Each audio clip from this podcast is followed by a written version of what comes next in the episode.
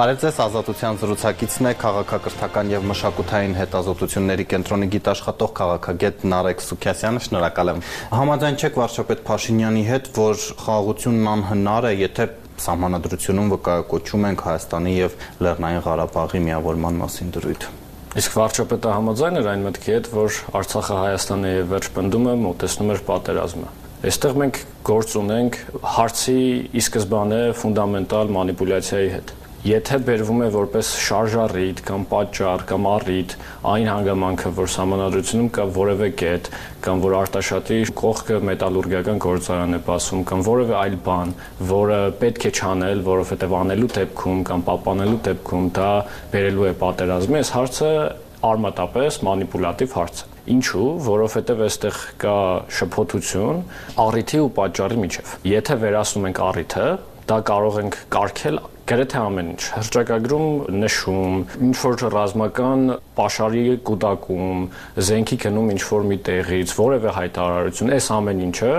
կարող ենք այս ֆուտլյարը ողել դնել տարբեր առիթներ բայց սրանք չեն պատճառը հակամարտության եթե սա հանենք ուրիշ առիթ է դրա փոխարեն դրվելու այսինքն պարզապես մենք շարունակելու ենք այս շղթան տանել այսինքն եթե անգամ հեռացնենք սա դա չի նշանակելու որ ադրբեջանը ասել է լավ վերջ հայաստանը հասցեագրես բոլոր այն պատճառները որոնք մեզ տանում էին թշնամանքի այլևս թշնամանք չկա այդպես չի լինելու եթե գնանք այս տրամաբանությամբ չէ այն ժամանակ քննադատներին իշխող ուժը պատասխանում էր որ պատերազմը այսպես թե այնպես լինելու էր եւ Արցախը Հայաստանը եւ վերջ արտահայտությունը չէ որ դարձավ պատճառ միգուցե այն մոտեցրեց Հիմա եթե վերցնենք նույն տրամաբանությունը կիրառենք այստեղ, հա, ինչ որ մի առիթ հանելու ենք, բայց դրա փոխարեն այլ առիթ է գալու։ Այսինքն հերավորությունը կոնֆլիկտից չի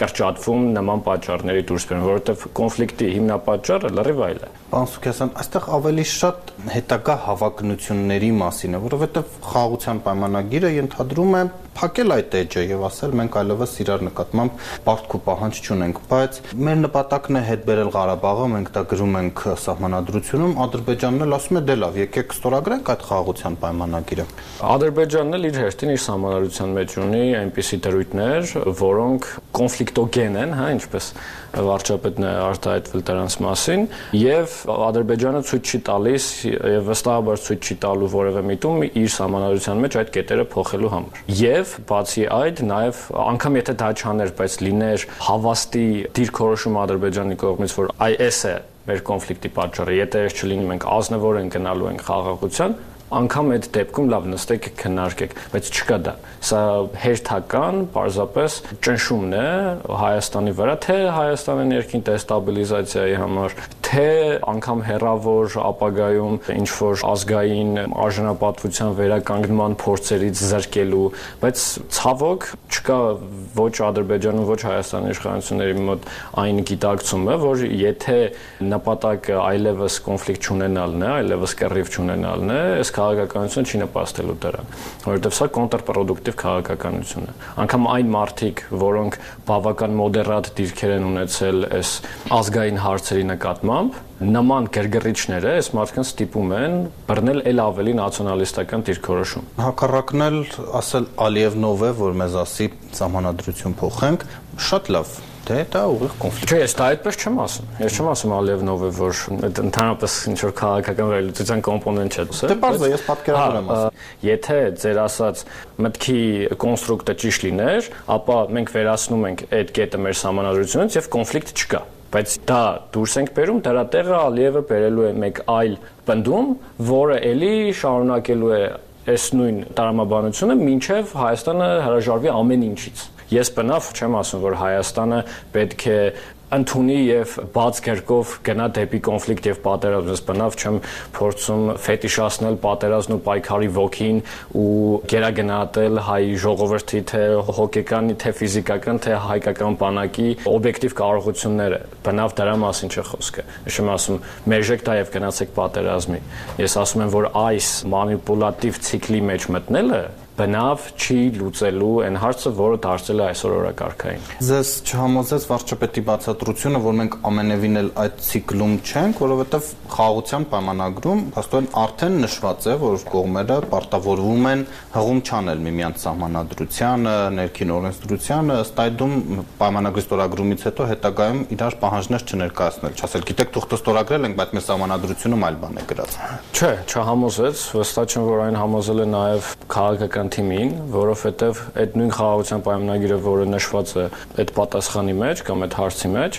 իր մեջ չի ներառում դելիմիտացիա եւ դեմարկացիայի հարցը։ Իր մեջ կարծես թե չի ներառում անկլավների հարցը, չի ներառում արցախցիների իրավունքների հարցը եւ այլն։ Այսինքն, այնպես չի որ կոնֆլիկտի օջախները այդ հանձնառությամբ վերանում են։ Դրանք շարունակվելու են։ Եթե դրանք էլ անգամ, ես վստահ եմ անգամ այդ անկլավների հաղորդակցությունների բացման եւ բոլոր այս այն օջախները կոնֆլիկտի, հա, այն սուր հարցերը, որոնց մասին մենք այսօր տեղյակ, անգամ եթե դրանք հասցեագրվեն, գալու է եւս մեկ պահանջ Ադրբեջանից։ Ինչքան պահանջներ կան, չէ՞, ինչքան թեմաներ կան, որոնք այսօր մենք քննարկում ենք, բայց դրանք օրակարգում չեն եղել, դրանք որևէ քաղաքական գործի շուրթերին անգամ չեն եղել 1 կամ 2 տարի առաջ։ Դրանք, եթե նստենք փորձենք երևակայել անգամ ինչ պահանջներ կարող են լինել, ես չեմ կարծում, եթե մենք այստեղ նստենք մի տարի առաջ ու փորձենք մտավարժանքի միջոցով Ալիևի պահանջ հնարավոր պահանջները ձևակերպենք, այս համանadrության հարցը մեր մտքով անցնելու էր։ Դրանք անverջ են, դրանք կարող են լինել։ Որն է հիմնական պատճառը։ Ինչու է Ադրբեջանը շարունակելու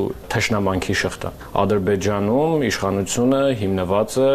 Հայաստանի հանդեպ թշնամանքի վրա, լեգիտիմություն է իշխանության եւ այդ լեգիտիմության վերահաստատումը թշնամանքի վրա մենք տեսանք երկու օր առաջ ընտրությունների ժամանակ Ստեփանակերտում քվեարկությունը, այդ ամբողջ սիմվոլիզմը, ամենաբարձր ընտրական արդյունքը, որ Ալիևը ունեցավ պատմության մեջ, դա բնականաբար կապելով իր պատերազմական հաջողությունների հետ, ու այս ամեն ինչը ադրբեջանական ժողովրդին հрамցվել է 11 տարիների ընթացքում որպես այն գինը, որ պետք է վճարել քաղաքական, տնտեսական, սոցիալական կտակների եւ անազատությունների համար։ Եթե հիմա ազգային ազգային իղձը իրականացված է իրենց համար, ապա հարց է առաջանում ինչու հանդուրժել այս ամբողջ կտանքները։ Կա չէ նաև այն թեզը, որ Ալիևը գնաց արտահերտ արագ ընտրությունների, քանի որ այս հաջողությունների ալիքի բարձրակետում էր գտնվում եւ մի քանի տարի անց երբ հաղթանակի էйֆորիան անցնի, կարող է արդեն այդ սոցիալական ու քաղաքական խնդիրները գլուխ բարձրացած լինեն։ Հետևաբար, այս թշնամանքի շղթան կարծում եմ, որ շարունակվելու է։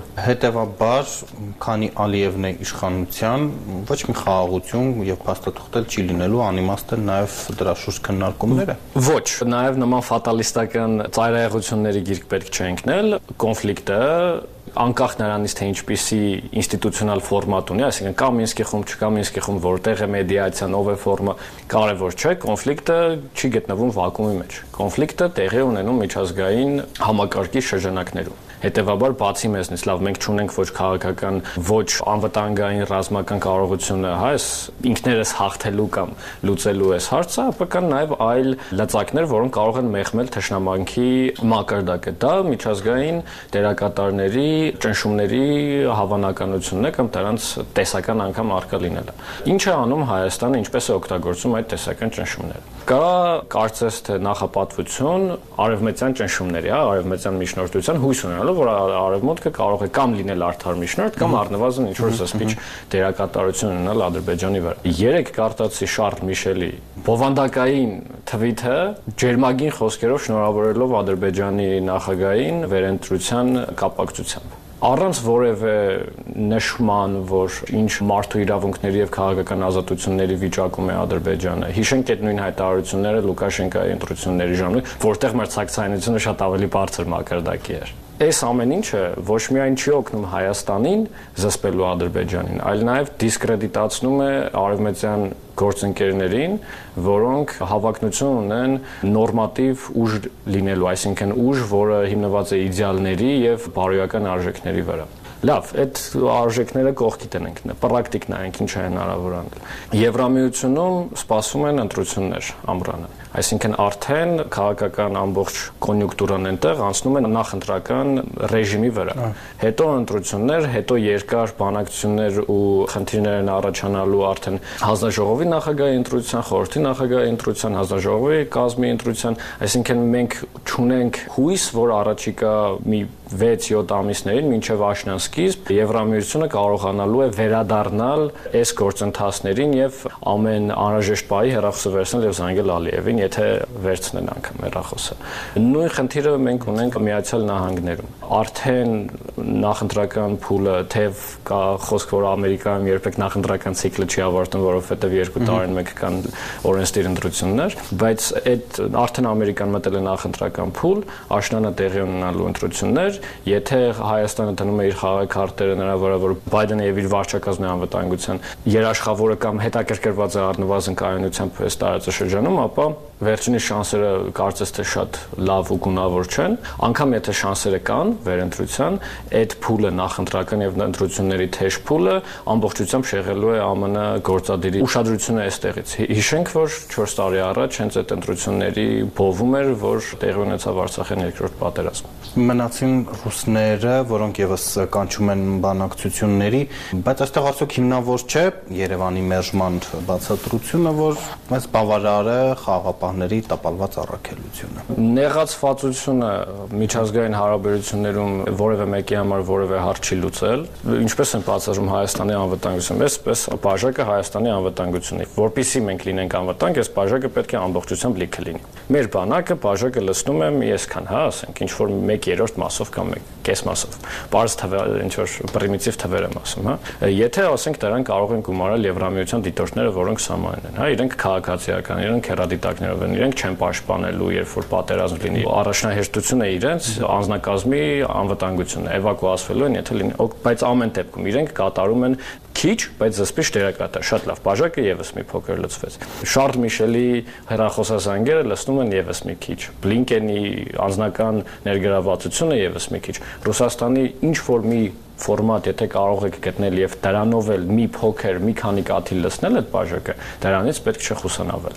Գիտակցելով են բոլոր թերություններն ու պաստողումները, որոնք եղել են, որովհետեւ եթե խոսենք պաստողումներից, բոլոր գործընկերների վերաբերյալ կարող են գտնել այդ վերապահումներն ու պաստողումները եւ ասենք, որ աշխարհում չկա ոչ մեկով օգտակար է եւ մնանք միայնակ թշնամուտը։ Որովհետեւ խոսքը թերացման կամ պաստողման մասին չէ, այլ ավելի լայն իմաստով, որ Ռուսաստանը ընդհանրապես գուցե այս տարածաշրջանում չի ուզում խաղաղություն, որ իր լծակները չկորցնի։ Այս թեզը վերջին 30 տարիներին շեշտվել է։ Չեմ կարծում, որ Ռուսաստանը հետաքրքրված է եղել կոնֆլիկտի շարունակմամբ այնպես ինչպես կա ես կարծում եմ ու նաև Ռուսաստանի թե բարձր մակարդակով բանակցությունների մեջ ներգրաված լինելը, թե նաև մյուս միջնորդների ԱՄՆ-ի եւ Ֆրանսիայի կողմից Ռուսաստանին այդ առաջնային դեր տալը, թե մի քանի լուծման տարբերակներ, որոնք առաջարկվել են Ռուսաստանի կողմից։ Ես չեմ կարծում, որ սրանք ամբողջը միֆ են եղել, ձևականություն են եղել, այլ Ռուսաստանը հետաքրքրված է եղել այնպիսի լուծմամբ, որը կբխի իր շահերից բոլոր դերակատարները, որոնք ներգրավում են այստեղ, ներգրավում են իրենց շահի համար։ Ռուսաստանը ուզում է իր լծակը, որը կարող ունենալ տնտեսական կախվածության կամ խաղաղապանների կամ զորախմբերի միջոցով, արևմուտքը հետաքրքրված է Հայաստանով, որովհետև այն կարող է տրամադրել միջազգային հաղորդակցությունների դիվերսիֆիկացիա, այսինքն արևմուտքը գեր հետաքրքրված է նրանով, որ ճանապարհները բացվեն եւ հետաքրքրված է նրանով, որ Հայաստանը կարող է ինչ-որ հակառուսականությունը առաջարկել արևմուտքին։ Հիմա ինչ ասենք, արևմուտքը չենք աշխատում, որովհետեւ իրենք մեր սիրուն աչքերի համար չէ, որ այստեղ են, այլ հետապնդում են իրենց շահերը։ Բոլորն էլ իրենց շահերն են հետապնդում։ Պետք է նայել որն է ընդունելի Հայաստանի համար, մասամբ ընդունելի, ոչ թե մեժել ամբողջությամբ, գտնել որևէ ընդհանուր երզել, փորձել դրանք համադրել մինչև ավելի լավ ժամանակներ։ Դուք իդեպ Շարլ Միշելի գրառում ամբողջությամբ չմեջբերեցիք, նա նաև ողջունում է Բաքվի պատրաստակամությունը վերադառնալ բանակցային բրյուսելյան հարթակ, հնարավորություն նախադրյալներ հիմա կան, թե ելի կկապեիք Եվրամիությունում նախընտրական շրջանի հետ։ Նման հայտարարություններ եղել են նաև հոկտեմբերին, նոյեմբերին, գրեթե համաձայնեցված հանդիպումներ, որոնք չեն կայացել։ Ամեն դեպքում կարծում եմ, որ հիմա հանդիպումների հավանականությունը մի փոքր ավելի մեծ է, քան նախընտրական, ոչ ընտրական շրջանում, բայց հանդիպումը հանդիպման համար հարց չի լուծում։ Հանդիպումը կարող է հարց լուծել, կարող է դեէսկալացիայի բերել, եթե կողմերը հետաքրքրված են դրանով։ Եթե Ադրբեջանը դեէսկալացիայից որևէ բան շահելու է այն քննարկումը, որը մենք ունեցանք, կարծում եմ, որ ցույց չի տալիս, որ Ադրբեջանը մոտիվացիա ունի դեեսկալացիայի գնալու, այլ ընդհակառակը։ Հղումը Ալմաթայի հրճակագրին խաղաղության պայմանագրում բավարար չէ, ես դրան ստիպված եմ հակադրել Բաքվից հնչող հայտարարությունները, որ մենք ավելի լավ քարտեզներ ունենք, որոնցով Երևանն էլ է ադրբեջանական տարածք։ Խնդրեմ, հանեք անկախության հռչակագրից որևէ ինչ դրույթ ուզում եք։ Ձեր ասած փաստարկն են տնելու մեր առաջ։ Ես կրկին շնորհակալ եմ, որ արձագանքեցիք մեր զրուցակիցներ քաղաքակրթական եւ մշակութային հետազոտությունների կենտրոնի գիտաշխատող քաղաքագետ Նարեկ Սուքեսյանը։